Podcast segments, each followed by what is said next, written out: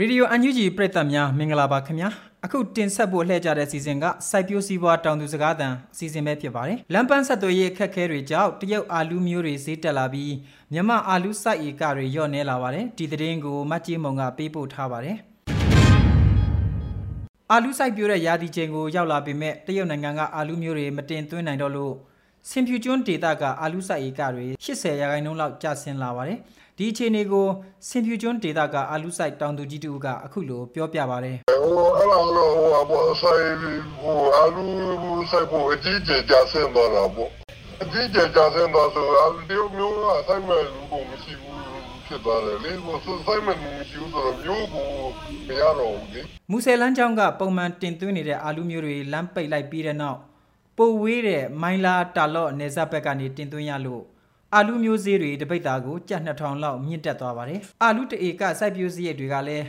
တအေကကိုမူလအရင်နှစ်ထက်ထက်ဝက်မကမြင့်တက်လာလို့အရင်နှီးများတဲ့အာလူစားအရင်နှီးနေတဲ့ငရုတ်သီးနှံကိုပြောင်းလဲစိုက်ပျိုးလာကြပါတယ်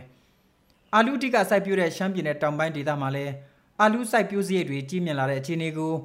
အာလူတောင်သူတူကအခုလိုပြောပါတယ်။တော့တော့ဆိုအဲဒီတမီဩဇာလေးလေစီးတက်တော့ဘောလေးတခြားလူလူပါလေဒီအနိစီတောင်းလူပါလေဒီစာနဲ့နည်းနည်းရှားပါမှုရှိတယ်ဒါပေမဲ့တော့တော့ဟိုအရောဖြစ်ပါဘောဟိုဟိုကွန်ပျူတာစိတ်ကြီးမှာတာဟိုကျွန်တော်တို့အရင်လုံးကတော့ဟိုအရင်ကတော့ဒီကောင်သုံးပေသုံးပေငါးသိန်းလောက်ပဲကုန်တယ်ဟာအခုလက်ရှိအချိန်ကြီးလက်ရှိဝင်ပြီးတဲ့ ဒီနေ့တော့ဒီကောင်သိန်းဟုတ်တယ်ငါနဲ့ခုနှစ်ပေလောက်တော့ကြာပါအော်အဲ့ဒါတော့ကျွန်တော်တို့လက်ရှိကုန်ကြတဲ့ဟာပေါ့နော်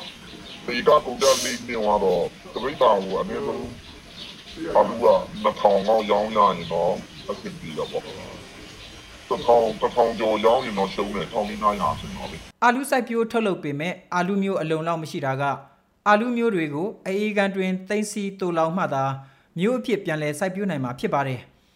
ရှမ်းပြည်တောင်ပိုင်းကအာလူမျိုးထိမ့်သိမ့်တဲ့အေးကန်တွေကအာလူမျိုးတန်ချိန်6500လောက်သာတူလောင်နိုင်ပြီးဒီပမာဏက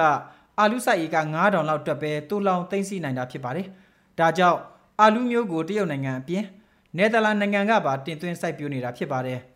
တနိုင်ငံလုံးမှာအာလူစိုက်ဧက9000နီးပါးရှိပြီးရှမ်းပြည်နယ်နဲ့မကွေးတိုင်းဒေသကြီးနှစ်ခုရဲ့စိုက်ဧကကဧက9000လောက်ရှိပါတယ်ဒါအပြင်အာလူကိုကချင်ပြည်နယ်ကယားပြည်နယ်ချင်းပြည်နယ် ရခိုင်ပြည်နယ်စတဲ့ဒေသတွေမှာလည်းစိုက်ပျိုးစားသုံးကြပါတယ်တောတာရှိများအခုနားဆင်ကြရတဲ့မြေပြင်သတင်းကြောင်းရာတွေကိုရေဒီယိုအန်ယူဂျီသတင်းတော်မတ်ကြီးမုံကပေးပို့ထားတာဖြစ်ပါတယ်ခင်ဗျာ။